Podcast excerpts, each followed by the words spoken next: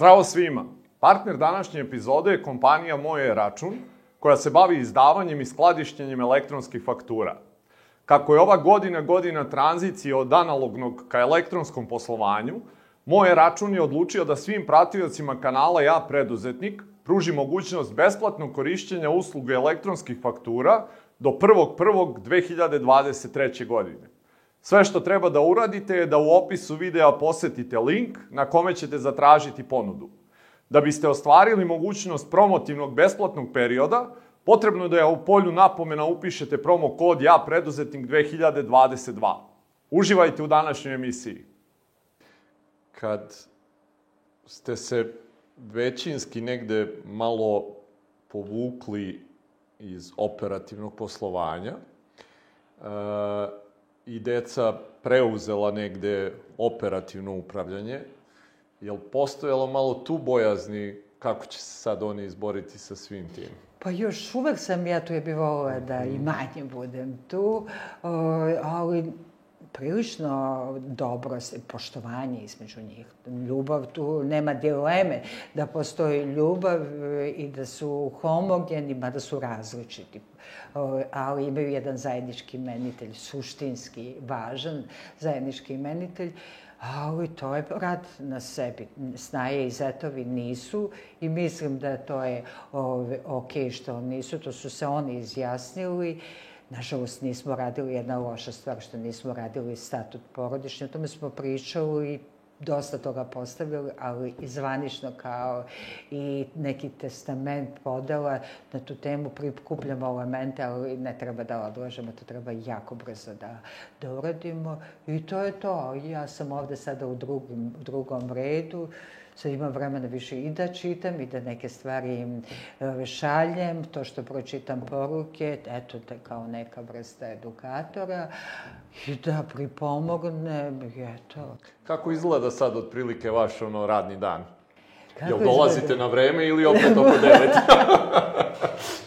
dolazila sam na vreme do 8 sati, sada, eto, malo e, i, i kasnije, to moram da, da priznam, ali se trudim da, da maksimum radim i volim što voli da se konsultuje sin sa mnom uvek za sve važne stvari, ali iz dana u dan se sve više poklapamo u bitnim stvarima, u rezonima. Mm -hmm. E... Nemamo prostora mnogo da napravimo. Dobro je nekada i upiti u zid, ali toliko je sve tesno sada finansijski, toliko je taj minimalan profit, tako da tu nažalost ne možemo luksu sebi da dozvolimo, tako da većamo i vagamo više struko pre nego što donesemo bilo koju i ovo je bitniju, pa i samo proizvodnju i sada kad ste došli usvajali smo kolekciju za zimu i tu je vaganje oko svega. Na jednom odavnom predmetu vi možete 22.000 grešaka, da li taj materijal, da li rukav ovakav ili onakav, sirovinski sastav, boja, dužina, tako dalje, tako dalje, u kojim veličinama, sve je to važno ovaj, da, da sagledamo da to u kom momentu da izađe, kakav marketing, sve to, tako da mm -hmm.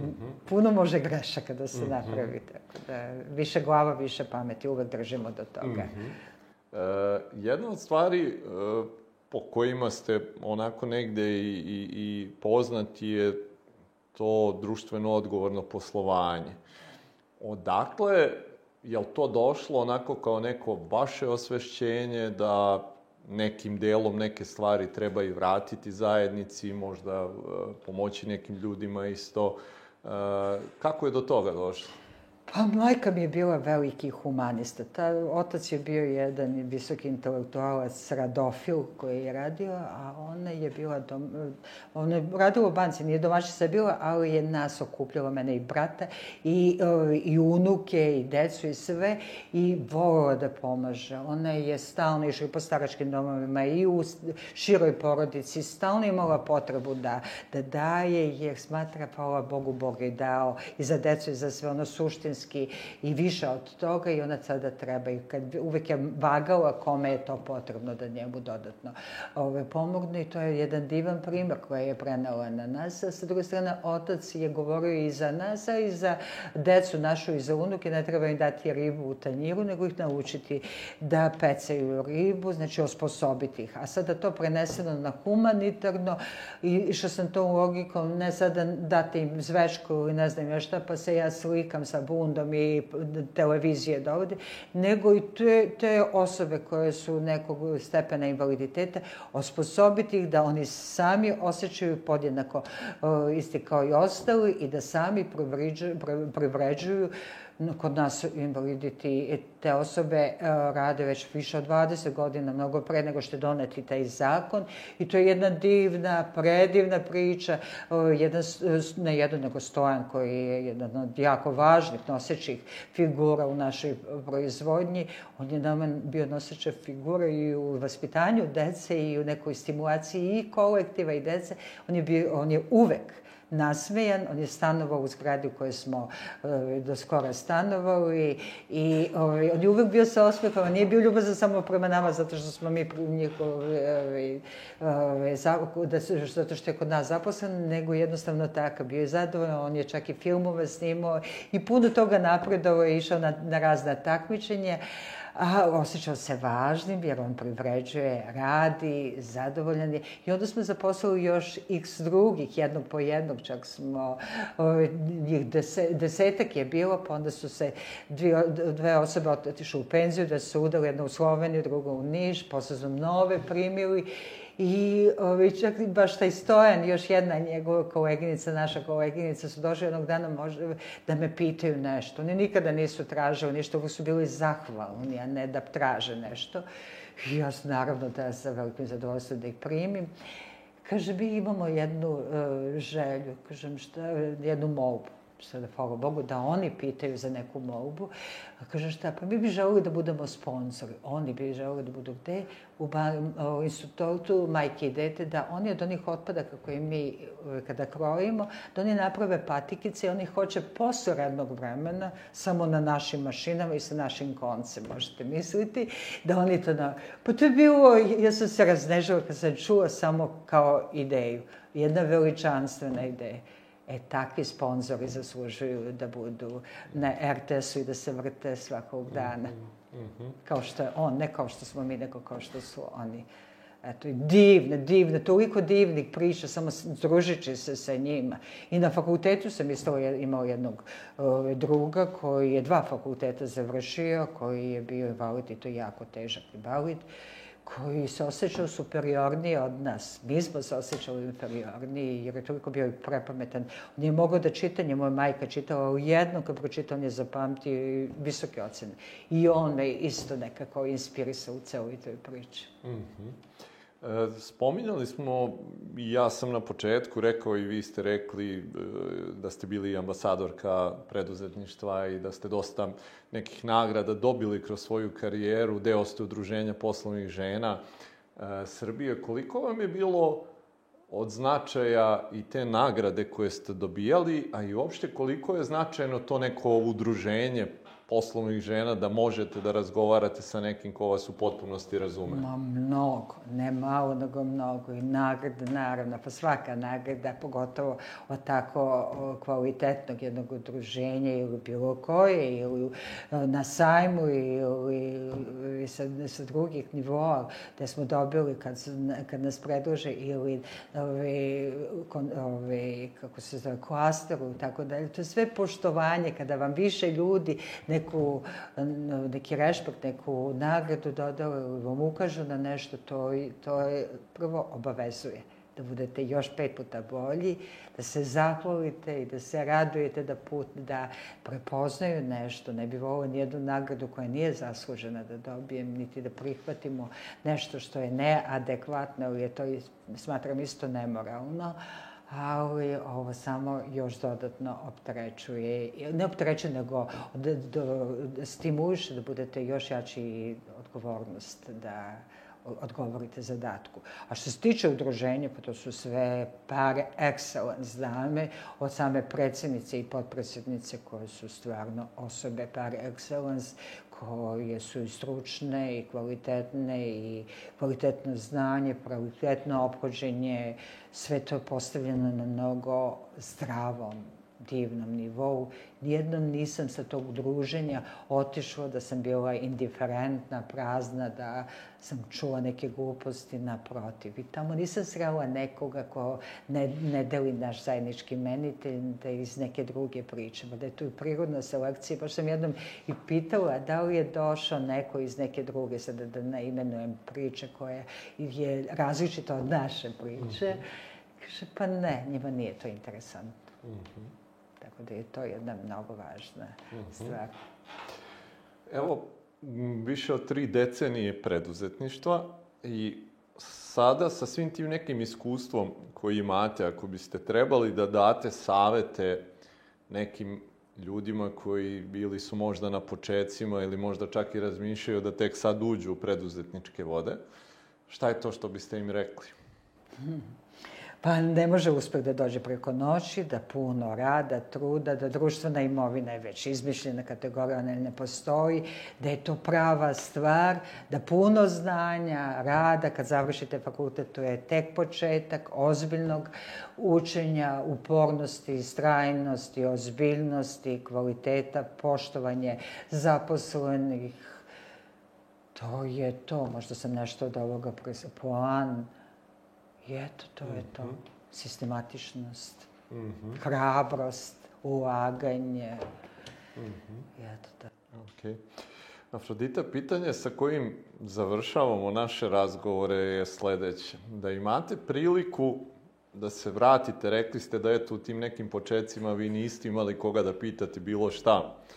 Da imate mogućnost sad vi sa svim ovim što znate i da se vratite možda u tu neku 89. godinu, da budete na kratko mentorka toj Afroditi, šta biste joj rekli?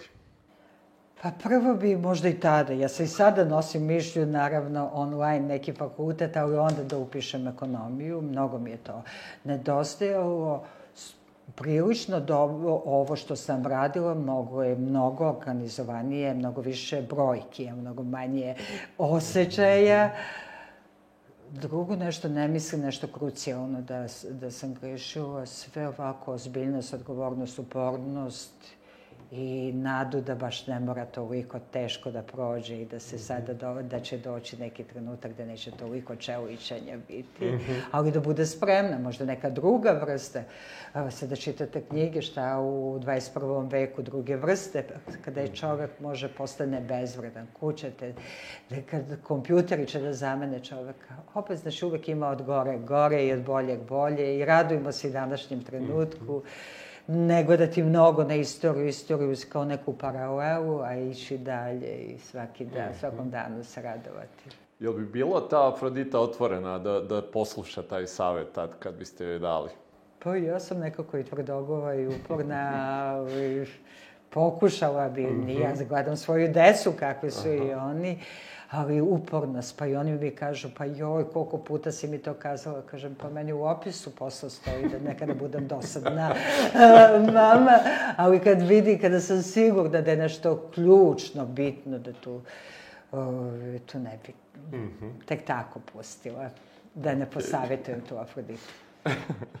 Afrodita, hvala vam puno najpre na odvojenom vremenu za nas. Hvala na podeljenim lekcijama i iskustvima eto, koja ste onako trpno sticali ovaj, kroz više od tri decenije u preduzetništvu. Hvala što ste Srbiji podarili jednu kompaniju kao što je Afrodite Mod Collection i brand koji postoji. Želim vam da uživate sad u tim nekim plodovima svog rada u toj nekoj savjetodavnoj ulozi koju sada imate i svim tim nekim lepotama koje su vam donela i vaša deca i unuci i da eto ta neka vizija koju ste možda rekli da i danas imate, a da nije baš onako možda za deljenje sa drugima da se ostvari i da je dočekate. Pa jeste, zašto nije, ni, nemam tajne, nemam nijednu zaključanu figuru, volim da delim sa svima.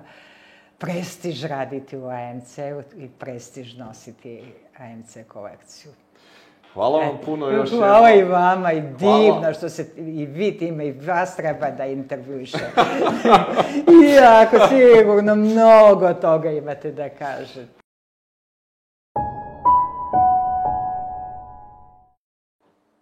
Evo nas u drugom delu razgovora sa predstavnikom druge generacije iz porodice Bajić. Afrodita je već spominjala Branka kroz naš prvi razgovor, pa je meni sad onako zadovoljstvo da vam Branka predstavim i ovaj, da ga vidite i da ga čujete. Branko, e, dobrodošao i ti u serijal. Hvala ti na, na odvojenom vremenu za nas. Hvala i vama puno što ste me pozvali i što mi dajete priliku da pričam s vama. E, čuli smo od Afrodite taj neki e, razvojni deo same kompanije od samih početaka. I ono što smo negdje imali priliku da čujemo je e, do nekih eto trenutaka kad ste vas troje već i operativno dosta u firmi. E sad ja sam i nju vratio negde na početke firme, pa ću i tebe da vratim negde na tvoje početke same. Šta su možda neka tvoja prva sećanja na, na firmu i da eto mama i tata nešto rade? Uh, ono što mi je onako bilo uvek sećanje da oni dolaze kasno kući, putovali smo onda zajedno, često smo ta neka vremena zajednička provodili u, u nekom poloposlovnom ambijentu gde oni odlaze u nabavke materijala, mm -hmm. pa, pa provodimo u kolima ovaj, vreme, pa ne znam, putujemo po, po ovaj, okolini Beograda gde su bile neke šivare koje su za njih radile, u tom trenutku nismo imali uh, proizvodnju pod našim krovom, nego su iznemljivali te usluge, jel tako? Tako da, eto, tu, to sam osetio tada na taj način, ali pošto ja nisam znao za ništa drugo, ovaj, ja sam samo imao jedne roditelje, kao i svi mi, jel tako, ovaj, ja sam vjerojatno to kapirao da je normalno tada, mm -hmm. tako, ali ovako sad iz ove perspektive, kad vratim sad, ja imam decu, uh, vidim da sam ja u tom nekom polu poslovnom ambijentu ovaj, sa njima provodio vreme, mm -hmm. tako da kažem. To su prva sećanja. Mm -hmm. Jesu postojali neki tako, onako, zadaci možda i za tebe kao malog da nešto pripomogneš? Pa verovatno, možda jesu, ali se ja ne sećam toga. Uh, onako sad iz ove perspektive, bio sam dosta zaštićen uh, ovaj, od tog nekog biznis dela. Uh, otprilike moje neke obaveze, pričam najiskrenije, su bile najviše da budem dobar džak i mm -hmm. ono, primjerno dete i to sam ja mislim onako i ispunjavao dobro. Ovaj, tako da, da ovaj, nisam previše bio uključivan u firmu, što smatram da je onako iz ove perspektive, smatram da je loše, jer ovaj, deca treba od početka da budu svesnija toga, posebno ako se posle odluče da nastave mm -hmm. taj mhm. biznis, jel tako, treba da budu svesnija a, toga šta rade roditelji, šta će kasnije oni raditi i, i mnogo će se lakše uklopiti u, mm -hmm. u mhm. taj posao da su to tako. Mislim da, su, da sam ja bio zaštićeniji, da sam ja otprilike one neke svoje obaveze radio dobro, bio dobro dete, bavio se sportom i imao vremena da se bavim nekim svojim hobijima. Ovaj, tako da, eto, ovaj, nisam se puno uključivo, osim toga što sam provodio vreme u nabavkama kada i oni idu, ali to je mhm. bilo više da bi bilo vremena mhm. između roditelja i dece, -hmm. da kažem. Ali i to isto, mislim, sve može, možemo da posmatramo sa dve strane. Ja sam imao mhm. vremena da, da, da odrastam, da, da se zabavljam, da imam da imam svoje hobije, da razvijam svoje neke druge potencijale. Mm -hmm. tako. E, jel postoja neki uticaj, ajde da to tako kažemo, firme na tvoj e, odabir školovanja? Pa ne mogu kažem firme, ali mojih roditelja jeste. To jeste jedno od ono najvećih, e, pošto sam ja sada roditelj, po meni e, naj, najkritičnijih tačaka u životu svakog čoveka, pored odabira bračnog partnera, je odabir, tako, onoga čime ćeš se baviti u životu. Tako. Mm -hmm. ovaj, i, I vrlo je bitno da svom detetu vi date taj neki vetar u leđa za ono što je on, što je on u suštini, je tako? Ovaj, da ga dobro prepoznate njegove potencijale, pričam iz te neke roditeljske perspektive, a opet s druge strane da, da, da, mu, e, da mu ne prepustite da on sam to bira i da bude ponešen, ne znam, trenutnim nekim idejama, uticajima sa strane, već da, da to bude stvarno ono što je za njega i tu da ga podržite. Tako da, da ovaj, uticaj firme kod odabira onoga što, što, je, ovaj, što sam ja kasnije radio, da, postoje od strane moje, moje majke. Ovaj, ali, eto, na kraju, na kraju nekom tom zajedničkom ovaj, a, a, sagledavanju mog budućeg izbora donosam odluku, pisao sam ekonomiju i mm -hmm. posle toga statistiku na ekonomiji i eto, to hvala Bogu uspešno završio. Mm -hmm. U, u toku samog ono školovanja, odnosno boravka na fakultetu, jesi tad malo učestvovao aktivnije u nekim možda operativnim stvarima i dešavanjima u firmi? Mm, najiskrenije nisam. Mm -hmm. ovaj, možda sam bio u par nekih, uh, par nekih situacija došao u firmu, ne znam, nešto da bukvalno ad hoc pomognem na dva dana, jedan dan, mm -hmm. ali to je stvarno bilo redkost. Kažem opet, to mislim da je da je bilo, bila iz perspektive e, druge generacije koja vodi firmu otežavajuća posle meni okolnost, jer nisam bio upoznat sa time šta znači raditi, šta znači nositi odgovornost velikog kolektiva, šta to moji roditelji rade. Mislim, ja često sam pominjao, sad mi to sinulo dok pričam s vama, ja sam moje roditelje tek upoznao sa 20 i, ne znam, 5 godina, 6 godina, sa 26 sam završio fakultet i, i tad kad sam krenuo da radim. Jer sam tada, ono, od perioda gde sam provodio sa njima u proseku verovatno 15 minuta dnevno, mm -hmm. skočio na, na 9 sati dnevno mm -hmm. u mhm. proseku. Mm -hmm. I ovaj, onda kreneš da ih, ono, stvarno vidiš ko su oni, šta su mm -hmm. oni. Kako se ponašaju u stresnim situacijama, kako je ono, do, do tada su oni samo tvoji roditelji, ali vidiš kakvi su oni mhm. ljudi sa drugim ljudima. Mm -hmm. e, kad si završio školovanje, Afrodita je negdje ispomenula da, da je ona rekla da je bila teška situacija i da je ona uticala ovaj, na to možda da, da prihvatiš posao, da radiš ovde u porodičnoj firmi. Jesu tvoja možda razmišljanja u toku školovanja bila drugačija? Jesi možda video sebe u nekom, ne znam, korporativnom sistemu ili jesi razmišljao možda u toku školovanja u tom nekom pravcu ili možda nekom drugom? Pa najiskrenije, mislim da nisam, ovaj, da sam sazreo tu preko noći kad sam počeo da radim. Moja razmišljenja su bila da, bukvalno sam bio fokusiran na trenutak. Moje trenutno je bilo da završim fakultet što pre i sa što boljim uspehom, da budem, da koristim vreme da se usavršavam u svakom smislu koji ja želim I, ovaj, I nekako jeste mi bilo bliže da, da, da probam posle toga da se, upiš, da, da se upišem, da se zaposlim negde gde bi video kako neka druga firma funkcioniše. Mm -hmm. Čak sam i za vreme školovanja od nekih profesora dobijao, da kažem, ideje da oni mogu da me poguraju da idem, ne znam, u neke firme zbog dobrih ocena koje sam dobio iz nekih konkretnih predmeta, da sam mogao da odem da, da radim praksu ili možda da se na nekoliko godina zaposlim negde drugde. Mm -hmm. I nisam to iskoristio zbog ove situacije koje ste pomenuli, izvinjavam se, ove, zbog ove situacije koje ste pomenuli da je bila, da kažem, uvođenje ERP sistema u, u, u firmu koja je onako vrlo za taj period rada firme bio kritičan i stresan i eto, kao i u svakoj firmi kad se nešto tako ozbiljno uvodi, mi smo to bukvalno preko noći uveli uh, prvo bez mene dok sam još studirao, pa onda taj sistem loše legao, pa smo novi ERP uvodili, ogromni troškovi, ogromni stres kod radnika, mm. šaltanje na nešto novo.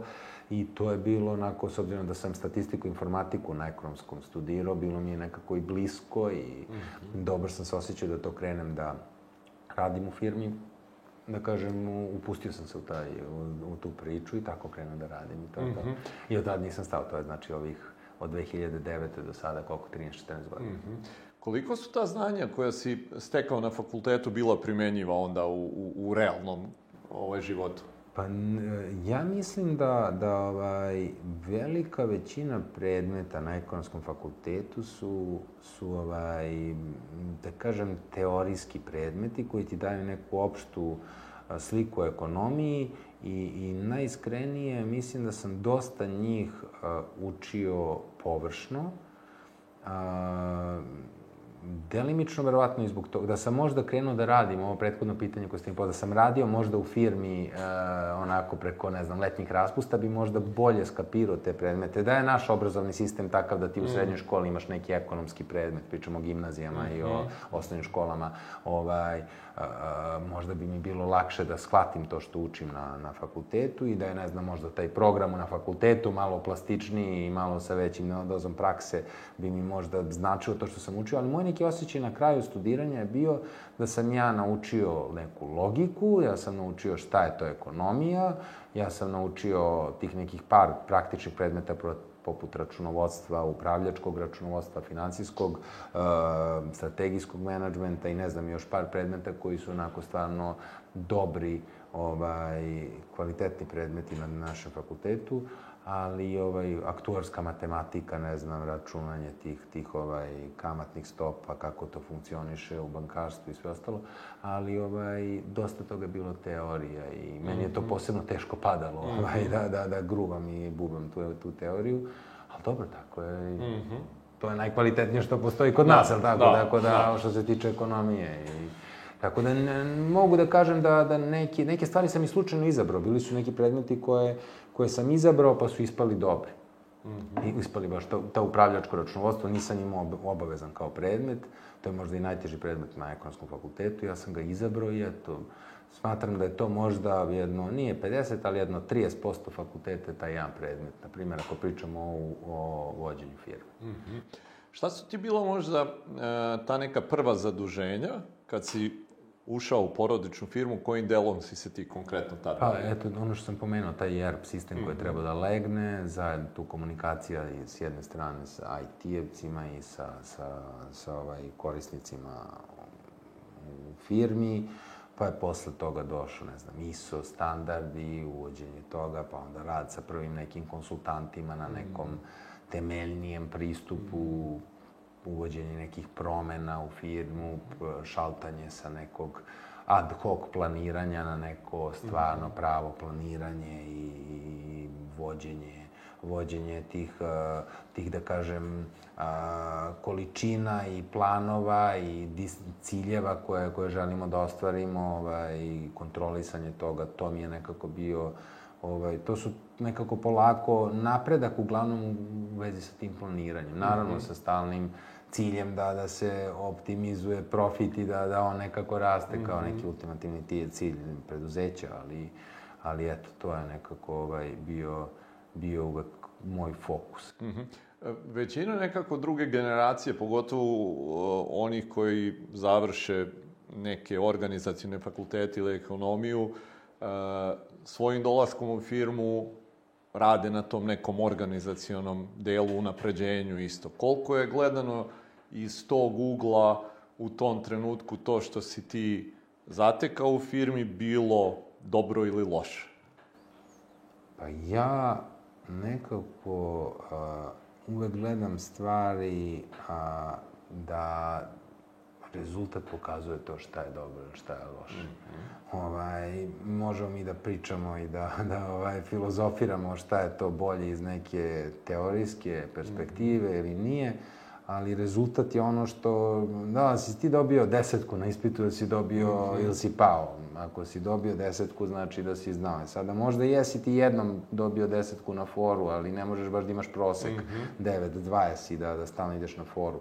Ovaj, Tako da, da ja mislim da je firma dobro poslovala pre nego što sam ja došao, jer je prosto stvorila taj kapital, to što ima, mm -hmm. ovaj, do tada dobro.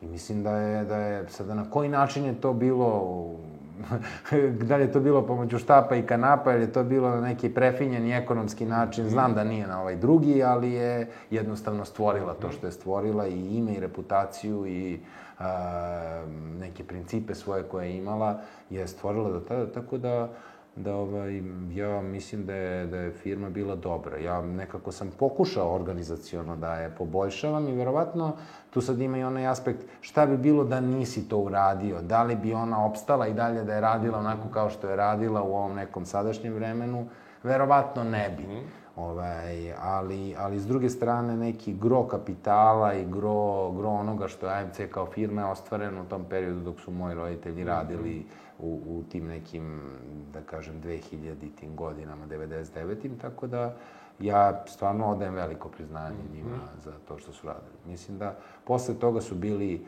uh, bila unapređenja, a, ali, da kažem, opet ponavljam, najviše, mm -hmm. najviše firma ovaj, mm -hmm. da kažem, napravila u tom nekom periodu. Koliko ako je se, ta neka... Ako se priča o kapitalu. Da. Koliko je neke te, te stvari, e, unapređenja, promene, ERP si spominjao, koliko je teško sprovesti ih u firmi koja već posluje neko vreme na neki način i sad treba napraviti neku promenu. To svako ko je to radio zna, zna, ne treba sad ja nešto da, da tu ovaj, filozofiram ili ne, mislim, uvek je najteže promeniti navike ljudima, tako, što su stariji ljudi, to je nje teže to promeniti, I mladim je naravno teško, a posebno nekim koji su se navikli, ali eto, dobra stvar uopšte kod te IT tehnologije i a, novih nekih sistema je što ljudi posle nekog kratkog vremena vide benefite toga ako su dobro implementirani, jel tako, sistemi, ako su se izabrali dobri sistemi, adekvatni za vaše potrebe, vrlo brzo se vidi da, da, ovaj, da, da je to samo neki boljitak. Tako da to je to, ono, da kreneš na početku s velikim otporom, pa polako mm -hmm. to mhm. proguraš i naravno, mislim, mislim da mi kao firma treba još više da se usmerimo ka tome, ovaj, da, da, da gledamo. Ali to uopšte, uopšte ne samo mi kao firma, nego cijela naša privreda treba da se dodatno digitalizuje i zato i postoje mnogi programi, ali tako, oko tih nekih opismenjavanja u digitalnom mm. smislu, ovaj, jer to je neka budućnost i svi treba tako da radimo. Mm -hmm. Kad druga generacija uđe u posao e, i u porodičan biznis, nekako je uvek e, teško izboriti se za neki autoritet koji imaš. Pogotovo ako su te porodične kompanije koje traju već neko vreme, pa te možda neki od tih radnika znaju i kad si bio mala beba ili tako nešto. Koliko je bilo teško zadobiti e, kredibilitet kod tih ljudi i šta je to nešto što si se ti trudio da radiš da bi te oni shvatili za ozbiljno? Pa ja iskreno uh, nisam imao problem, stvarno nisam imao problem uh, da, da nekako sa ljudima komuniciram i da, da, ovaj, da budem ozbiljno shvaćen. Mm -hmm. ovaj, a mislim da je to bilo prirodno. Znači, nisam uopšte, ni, ni, nisam se ni trudio da, da budem ozbiljno shvaćen. Jednostavno sam samo počeo da radim i želeo sam da naučim svaki deo mm -hmm. uh, toga čime sam se bavio. Znači, da li je to bilo uvođenje ERPA ili je to bilo, ne znam, ISO standardi ili je to bilo uh, organizacijana promena u planiranju kolekcije ili je to bila nabavka ili je to bilo, ne znam šta, rad u dizajn timu, sa njima, bez njih, uh, uh, pravljanje planova. Nekako, uh, nekako sam uh, ulazio u to sa, sa, sa idejom da naučim što više i da učestvujem aktivno u svemu tome. I to je, mislim, jedini način da neko uh, ovaj, jednostavno zna uh, posao i da može da paralelno bar, bar priča sa svojim radnicima o bilo čemu. I tako da, da ovaj, mislim da su to radnici osetili, da, uh mhm. -huh da ovaj, moj pristup nije neki uh, na osnovu toga što sam ja sin, sad želim ja da budem rukovodilac mm ili nešto, ne znam, da ja njima kažem šta kako da rade, već sam paralelno sa njima radio sve te stvari i onda ovaj, nekako vrlo spontano sam uspevao da, da, ovaj, da, da, mm -hmm. da stvorim neki svoj autoritet. Mm -hmm. dosta je malo prepitali. Mm -hmm. Šta su neke stvari koje se ti u tom periodu i recimo možda uopšte kroz uh, ovaj deo eto ko, kroz koji si već u firmi nekih 12-13 godina koliko smo rekli, šta su neke stvari koje si morao da menjaš kod sebe? Šta su stvari koje sam morao da menjam kod sebe? Pa morao sam da izlazim iz zone komfora, mislim. znači, do, do tada je moj život bio totalno ono što ja volim, mislim, ja tako, preko sam, ok, nisam baš voleo da bubam ekonomiju i da gruvam neke ispite koji su dosadni, ali, ovaj, ali opet je to taj diskomfort koji tu imaš ovaj, neuporediv u odnosu na onaj koji dobiješ na poslu. Više sam morao, naravno, to da radim.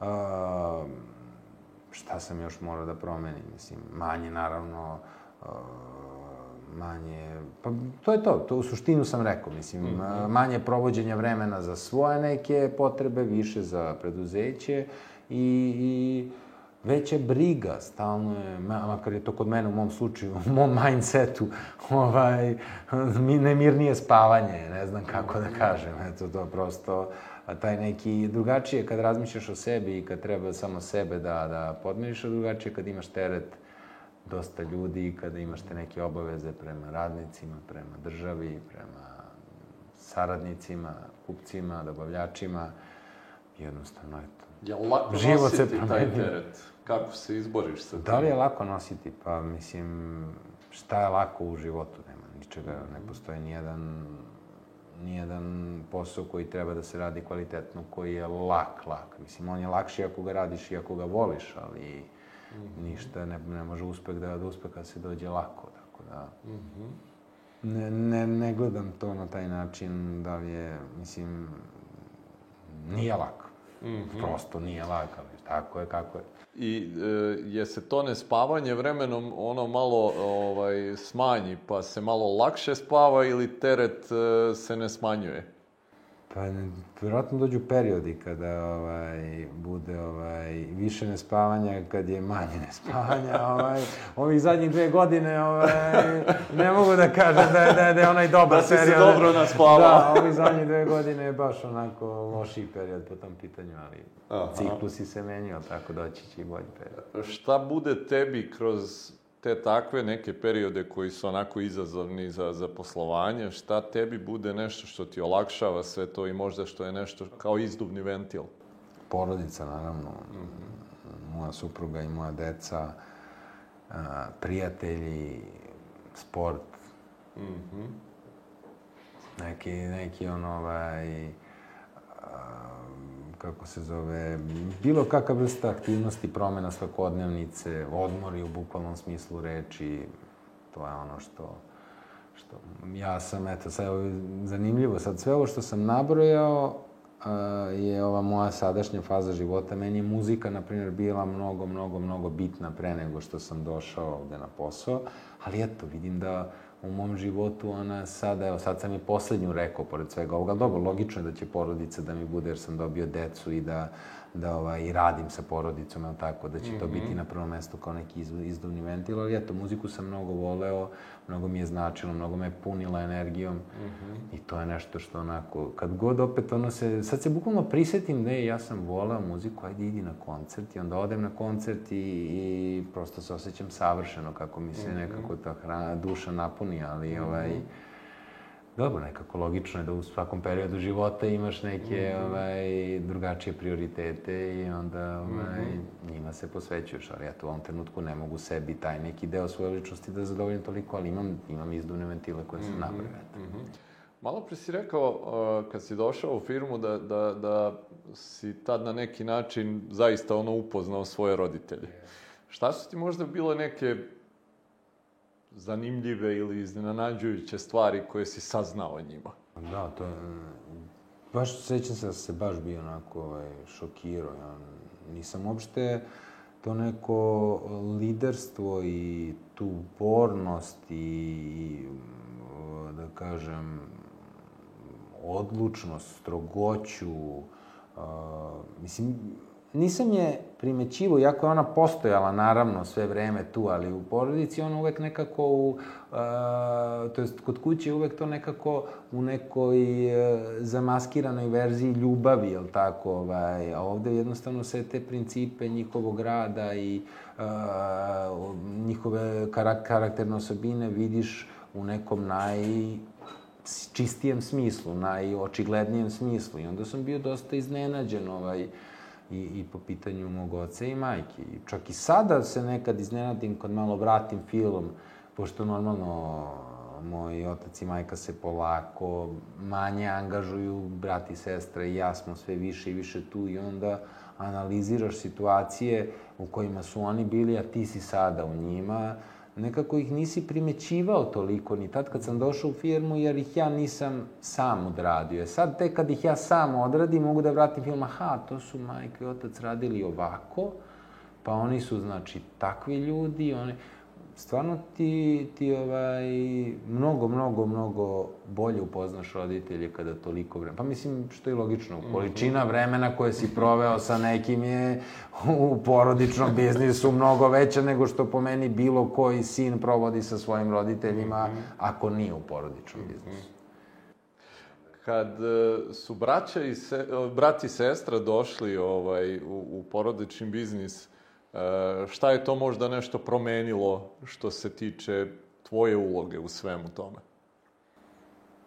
Pa ja nekako, mislim da je moja uloga otprilike bila ista. Ok, neki poslovi smo, neke poslove smo e, podelili možda drugačije, pa ne znam, brat uzo nešto da radi što sam ja do tada radio, prolazio kroz neke faze kroz koje sam ja pre toga pošao i ispekao. Uh, naravno, dobio sam neka nova dva čoveka u koje imam beskonačno poverenje i onda znam kada kada kažem, ok, ne mogu da kažem da oni sve odrade, ono što im ja kažem, da volao bi da, da, da je to tako, ali, ali, ali ako ništa drugo, znam da neće biti zlupotrebno da. i ne moram da brinem o tome da li sam im rekao nešto ovako ili onako, nema, nema tu neke sumnje da će mm -hmm. biti ovaj, nešto, nešto suvišno rečeno. Tako mm -hmm. da, mhm. eto, to, to je veliko olakšanje. Mm -hmm. To, to svako ko radi posao mm -hmm. zna šta znači kad s nekim, ono, možeš da sedneš i da, da popričaš i da čuješ njegovo iskreno mišljenje i da nema mhm. nekog ustezanja, niti nekog zrna sumnje u glavi. Mm -hmm.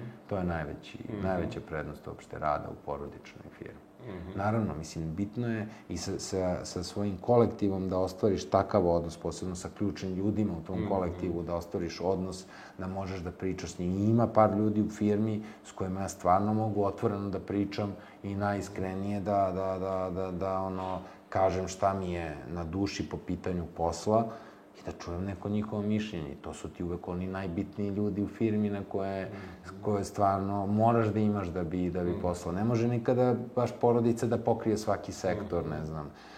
Najbitnije da su to ovaj, prodaja, u našem slučaju prodaja, proizvodnja, dizajn i financije i u svakoj od tih sektora imamo ljude kojima stvarno, sa kojima stvarno mogu da pričam na takav način i to mnogo znači. Mm -hmm. Šta je važno negde tebi da, da ti tvoji najbliži saradnici, šta je važno da oni imaju? Pa mislim, mm, šta je bitno? To su neke vrednosti moje koje želim da i postoje vredno, kao vrednosti u firmi i, i, i ovaj, pa da tako zajedno funkcionišemo. To je to. Moramo da imamo zajedničke poglede na stvari. Moramo da mm. imamo to neko ovaj, poštovanje i poverenje ovaj, na nekom stvarno mhm. visokom nivou da bi da bi mogli da se da, da, da radimo zajedno i da, da uspešno vodimo vodimo taj neki brod ka cilju. Mm -hmm. Ali eto, zajedničke vrednosti. Mm -hmm. Šta su neke ključne stvari koje si naučio od svojih roditelja? Ono što, što je ovaj, nekako, moja majka često kaže, hrišćansko je otprilike da ono kako ti radiš, tako će ti se vratiti, mislim. I a, nekako a, čovek ne treba da, da, da krivi bilo koga za ono što se njemu dešava u životu. Znači, tako kako si, kako si radio, tako će ti se vratiti i, i u toj situaciji u kojoj se nalaziš, ajde od tog trenutka da kreneš da razmišljaš i da, da probaš da poboljšaš stvari. Eto, to je to. Naravno, poštovanje prema ljudima, mislim, moj a, moral koji treba čovek da, da, da, da ima, a, čistoća duše, mir, mir sa samim sobom, ako je već nespavanje to koje smo pomenuli, da makar ne bude nespavanje zbog toga što si ti nešto uradio loše, nego da bude nespavanje kako da izađem iz tog problema. Eto, to je ono, ipak je mnogo lakše ovo nespavanje kako izaći iz tog problema, nego nespavanje ako nisi miran sa onime što si uradio. Eto, to je, tako da, eto, to mi je, to mi je nekako onako najviše. Taj, taj neki, neka, neka ta reputacija koju želiš da, da imaš, ovaj, mislim da je to ono što... Kad odluke treba da doneseš, ima li uopšte tu intuicije, s obzirom na to da si se i školovao i da je statistika bila jako važna i da je Afrodita isto negde rekla da ona je se dosta više oslanjala negde na intuiciju, a da si ti baš onako taj koji insistira na brojevima. Neću te pitati šta nosi prevagu, nego uopšte postoji li, kad gledaš sve te brojeve i treba da se donese odluka, postoji li nekad onaj trenutak da se nešto javi unutar tebe, a da nije broj? Pa, ja iskreno bih volao da je više toga, da mi se javlja to mnogo češće, ovaj, ili da se ja opustim da bi, da bi čuo sebe i da se više oslanjam na to. A, mislim da moji roditelji i uopšte svi koji su ta prva generacija, a, svi, ne znači da svi, ali mislim da veliki broj njih razmišlja na, kroz tu intuiciju, donosi mhm. odluke kroz tu intuiciju i to verovatno pravi razliku između onih a, stvarno dobrih preduzetnika, ali tako, koji počinju dobar posao i oni koji, koji možda ne uspeju. To, to je da donose prave, dobre odluke i da, da ovaj, prosto osjećaju ljude. To, to je vjerojatno kombinacija i, i neke emotivne, socijalne inteligencije i a, iskustva koje si imao do tada, sreće, verovatno, i mnogo mhm. slučajeva, tako, pokušaja, upornosti i svega ostalog. Ali ovaj, u mom nekom slučaju uh, mislim da kada da donosim mnogo više racionalnih odluka nego tih uh, intuitivnih, i mislim da treba da radim na tome da ih, da, da, da se nekada i malo opustim. Ali to nekako kad dođeš na poziciju rukovodioca i direktora, prosto ti se nametne, jednostavno više nemaš vremena da, mm -hmm. da, da sve staviš na papir u Excel tabelu i da sve izračunaš i da uzmeš sve moguće faktore. I ima, negde sam čuo, neko mi je rekao kao da se, da se najbolje odluke donose kada znaš 30% činjenica. Ovaj. Ako da znaš više posto činjenica, onda ulaziš u neku ovaj, paralizu od analize i, i mhm. opet dolaziš u, u gubljenje vremena, tako, mhm. ovaj, u taj neki problem. Tako da, da ovaj, treba čovjek da se osloni na svoju intuiciju mm -hmm. da mhm. razvija. Da. E, rekao si već da imaš svoju porodicu sad i e, posmatrajući taj neki svoj razvojni period i rekao si da misliš da su neke stvari koje bi ti možda pomogle, da su drugačije rađene. Kako vidiš sad neko, uh, svo, neki svoj odnos spram dece i porodične kompanije koja postoji, šta su neke stvari koje ćeš se ti truditi, recimo, da, da, da možda radiš sa njima, a da je vezano za porodični biznis i prenošenje možda nekih, eto, vrednosti i onoga što si ti dobio od svojih roditelja? Pa, možda sve ovo što smo pričali do sada, no, kada bi mhm. bukvalno ono, ovaj, u nekim crtama, znači te neke vrednosti koje sam rekao u smislu mm -hmm. morala, mirnoće života sa samim sobom i, i uh, toga kako želiš da, da, ovaj, da, da prosto širiš neku auru oko sebe, pa, pa onda, znači, naravno, da, da doneseš pravu odluku čime ćeš se baviti u životu, da budeš deci podrška i vetar u leđa za prave stvari koje njihovom karakteru, njihovom senzibilitetu odgovaraju. Preko toga, naravno, ovaj, koga će izabrati i kako će, s kim će živeti u životu i da, tu budeš naravno njihova podrška. I ono što sam rekao, kod mene mislim da je bila to mana, to je da, da deca treba da krenu, da, da makar nešto privređuju i rade u nekom mlađem periodu, da bi, da bi prosto osetila uh, kako stvarni realni svet funkcioniše. Jer ono, sada je sada ja se sećam tih nekih mojih početaka, tu je stvarno mi bilo dosta stresno to da, da, da, da, da vidim šta znače troškovi, šta znači izmirenje obaveza, šta znači pregovaranje s bankarima i, i, i ovaj, dosta ljudi koji su tu iz nekog, da kažem, interesa, mislim, svi zajedno radimo ovde, ali tako, imamo zajedničke neke poglede, ali isto živimo od novca i živimo od, od, ovaj, od te, tih primanja i svega ostalog i samim tim je to, da kažem, dosta odgovorna pozicija kada nisi imao dodira toliko sa, sa realnom ekonomijom i realnim, realnim ovaj, e, tim, da kažem, situacijama, onda kad dođeš tu prvi put vidiš šta je to. I mislim da je dosta bitno da je deca osete, da kažem, teškoću zarađivanja, još dok su mlađa nego, nego ne, mm -hmm. kao ja, kao sa 26 godina. Tako, mm -hmm. Mislim da ću ih tu definitivno ono, ranije, ranije slati. Ja mislim da nisam bio dete koje, koje ovaj, je džabalebarilo u tim nekim periodima kada je, ovaj, kada je imao slobodno vreme, raspuste i tako dalje, ali jednostavno uopšte nisam, nisam, se, nisam radio. Mm -hmm. I mhm. to, to definitivno hoću mm -hmm. da mhm. promenim kod moje dece. E, još jedna stvar vezano za, za odnos sa bratom i sestrom. Koliko je teško tu negde na, na samom poslu, da to tako kažem, uspostaviti taj neki profesionalan odnos? Je li to moguće? E, sad, ne, ne mogu, e, kad mi jedne stvari padnu na pamet, onda kažem da nije problematično, onda se setim nečeg gde jeste problematično, da, i, i ne, ne, šta da kažem, mislim, ono, mislim da, da, kao i u svim odnosima sa svim ljudima, autoritet se gradi ličnim primerom i nekim znanjem koje imaš i koje, koje se trudiš da, da, ovaj, da, da, da naučiš. I sve se na kraju opet svodi na to. Ako, ako ti pričaš sa ljudima na jedan način, a ponašaš se drugačije, ili ako pričaš nešto što nema osnova i što nije mhm. bazirano na znanju, ovaj, lako će te bilo ko, ovaj, da kažem, ono, obezvrediti to što ti pričaš i neće te mhm. slušati. S druge strane, da, mešaju se emocije koje otežavaju funkcionisanje, ali čini mi se da ja sa mojom braćom, sa, sa bratom i sa sestrom, ovaj, nemam toliko problema u tom nekom emotivnom smislu. Mislim da su veći problemi u odnosu sa majkom i ocem po, sa te emotivne strane i moji i, brat, i bratovljevi i sestrini, nego što je između nas. Mm -hmm. Ali, ovaj, ima naravno i toga i mm -hmm. to se onda prenosi u kuću i vraća se nazad na posao i tako, ali Jel moguće odvojiti uopšte onako porodicu i biznis u nekom trenutku i da se skupite i da ne pričate o biznisu? Mm, mislim, može, može da se ne priča, ali to stoji tu negde mm -hmm. i onda ovaj, mislim da je bolje čak i pričati nego, nego ne pričati i, i pokušavati da se pobegne od toga. Mm -hmm. Znači, eto, to, to je ovaj... Na kraju se uvek to nekako vrati kao tema. Mm -hmm.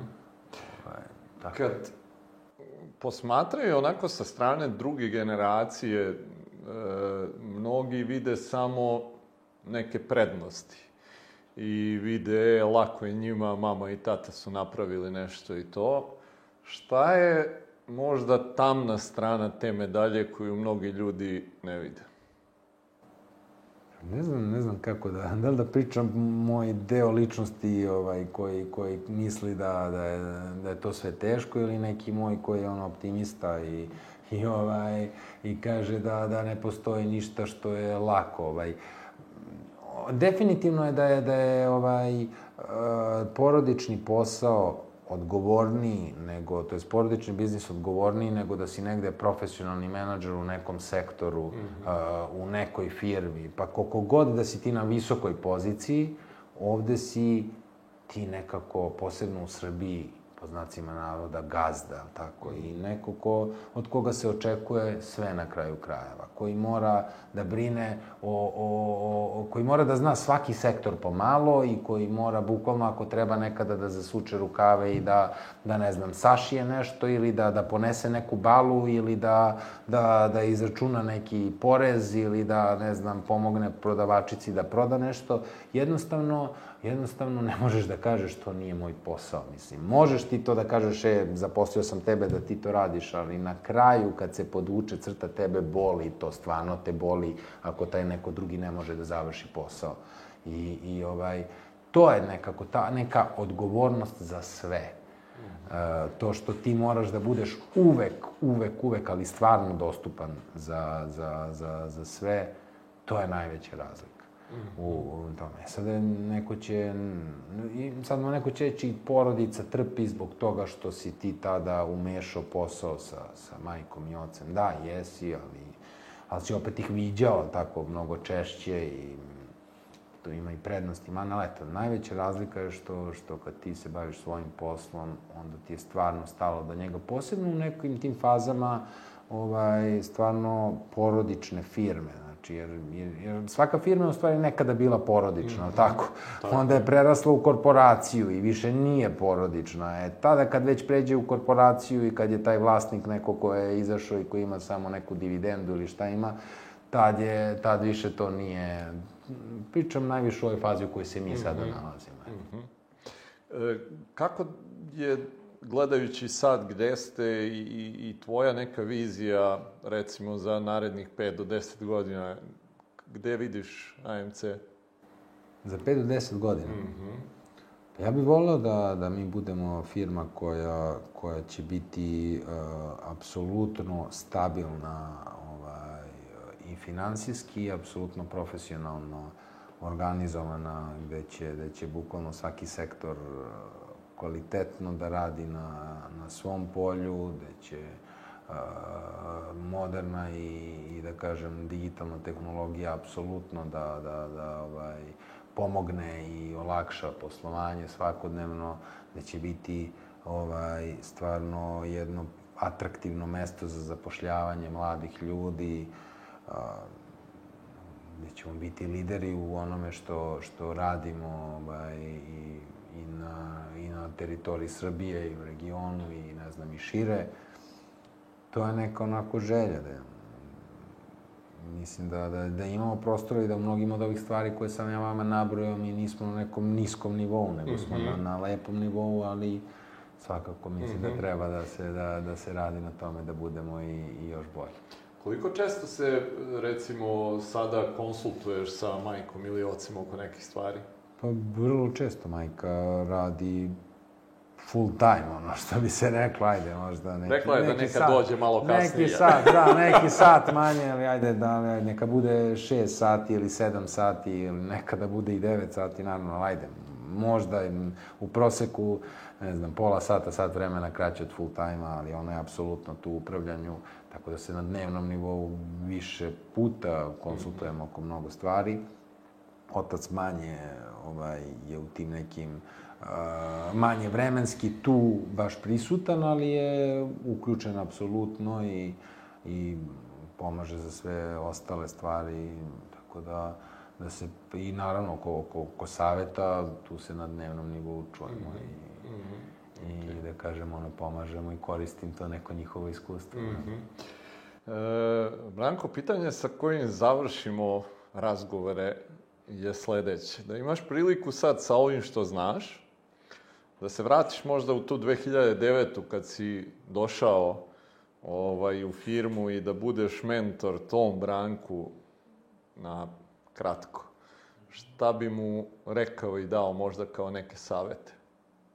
Pa mislim da taj, taj Branko kad je krenuo ovaj, je samo bio zatvoreniji nego što sam sada i, i nekako je manje ulazio u, u, u, u odnose sa ljudima, u komunikaciju, nego je više bio ovaj, usmeren na te neke uh, organizacijono-administrativne stvari ali ovaj, nekako sam možda tako bio i oblikovan kroz, kroz fakultet, mm -hmm. ovaj, pa sam nastavio tim i možda su mi majka i otac i dalje zaštitili više ili, ili puštali me da se time bavim jer je to u tom trenutku u preduzeću bilo slabija, mm -hmm. slabija strana, a, a nisam se bavio možda toliko proizvodom ili prodajom ili tim nekim uh, međuljudskim odnosima ili ulazio mm -hmm. u neke, neke takve stvari, ali uh, Mislim da, da ovaj, taj neki početak mog rada je, je bio onako, ovaj, u skladu sa okolnostima, onako kakav treba da bude. Mm -hmm. ovaj, nemam sad neki onako sad, osim toga što sam rekao, kažem, da sam trebao da budem otvoreniji, da više komuniciram i da, da, da više radim timske stvari, a manje, manje te neke analitičke, mm -hmm. to je. Jel bi poslušao sad da se vratiš i da kažeš tom Branku, je, budi takav i takav, jel bi taj Branko poslušao to ili bi rekao... Mislim da ne bi. Mislim mm -hmm. da ne mhm. bi. Mislim da ne bi. Mislim da to ovaj, bilo u tom trenutku i potrebno da, da radim u mm -hmm. firmi i mislim da, da ovaj, otkud znam, ono, mm, ne znam, ali mislim da ne bi. Mm -hmm. Ok. Branko, hvala ti puno ovaj, na, na jednoj perspektivi, eto, onako druge generacije i nekoga ko je danas ovaj, na, na čelu firme koja je evo, jedna od najstarijih koje imamo, ovaj, ne samo i u Srbiji, nego i u celom regionu. E, želim puno uspeha i tebi i celokupnoj porodici da nastavite da gradite ovaj brend uspešno kao što su i tvoji roditelji radili, da i vi sada kao druga generacija to radite na jedan uspešan način i da ta neka vizija koju imate se i ostvari, pa da se onda ponovo vidimo možda u nekom trenutku sa trećom generacijom u AMC-u. Hvala vam puno što ste bili što ste nam dali priliku da, da pričamo o svemu ovome i, i na lepim željama koje ste upravo rekli.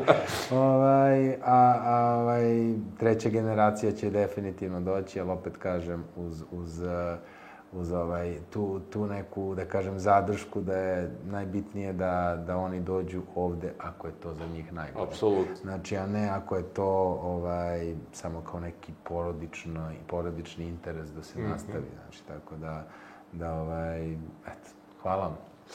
Hvala još jednom tebi i hvala vama što ste bili sa nama. Vidimo se sledeće nedelje. Prijatno.